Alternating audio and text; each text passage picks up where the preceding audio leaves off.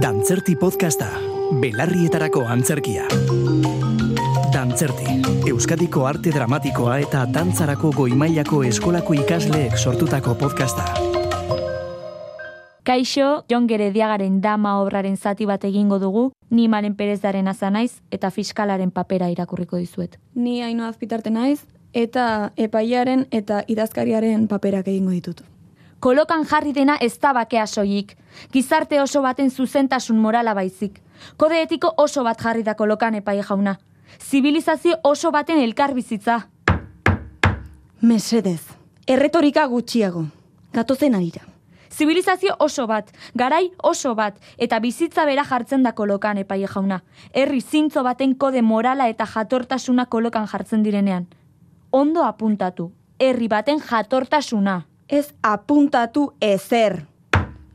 Mesedez, utzi hiperboleak literaturarako. Hau epaiteki bat da. Datuak behar ditut. Evidentziak. Herri zintzo eta jatorarena apuntatuko dut? Ez. Momentuz ez apuntatu ezer. Erretorika, erretorika.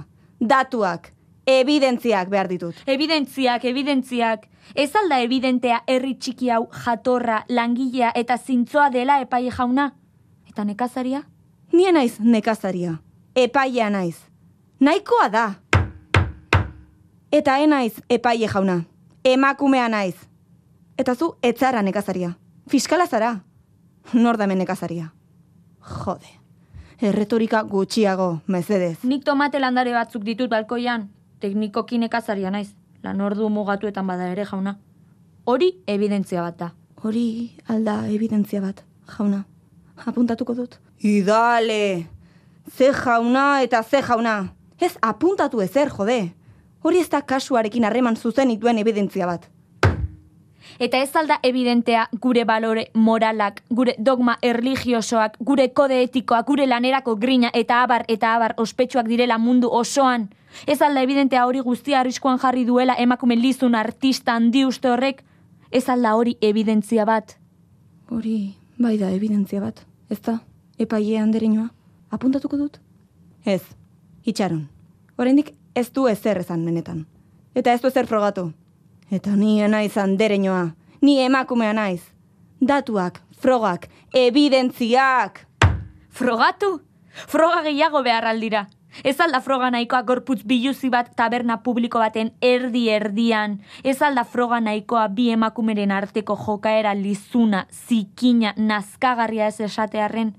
Ez alda froga nahikoa langabezia, alkoholismoa, eskandalu publikoa, jokaera sexual lizuna, perbertsioa, handinaia, buameria, alferkeria. Ez aldira froga nahikoa, epaia jauna. Ankerkeria, arriskulatza, gaixotasun mentala, jainko arren. Horiek denak apuntatuko alditut, jauna. Teatro, teatro. Ez, ez. Denak ez, bentsat. Bla, bla, bla. Erretorika. Eskandalu publikoa apuntatu. Eta perbertsioa ez jauna? Ez aldu presente dagoen emakume doaintxu eta errukitxu horrek bere sexua defendatzen duen ordezkari garbiagorik? Ez aldu zikintzen emakume horren jokaerak emakume guztien izena? Apuntatu perbertsioa bintzat. Ba, nire ustez, ez. Baina igual apuntatu bazter batean arkatzez, balizko jokabide perbertsoak. Balizko? Zer esan nahi du balizkok? Apuntatu jokabide perbertsoak. Punto. Ztuna zara gero, eh? Eta agresioa, bortizkeria, gaixotasun mental erasokorra, emakume hori paziente psikiatrikoa da, jainkoaren izenean, paziente psikiatrikoa, eroa. Dantzerti, Euskadiko arte dramatikoa eta dantzarako goimailako eskolako ikasleek EITB podcasterako sortutako podcasta.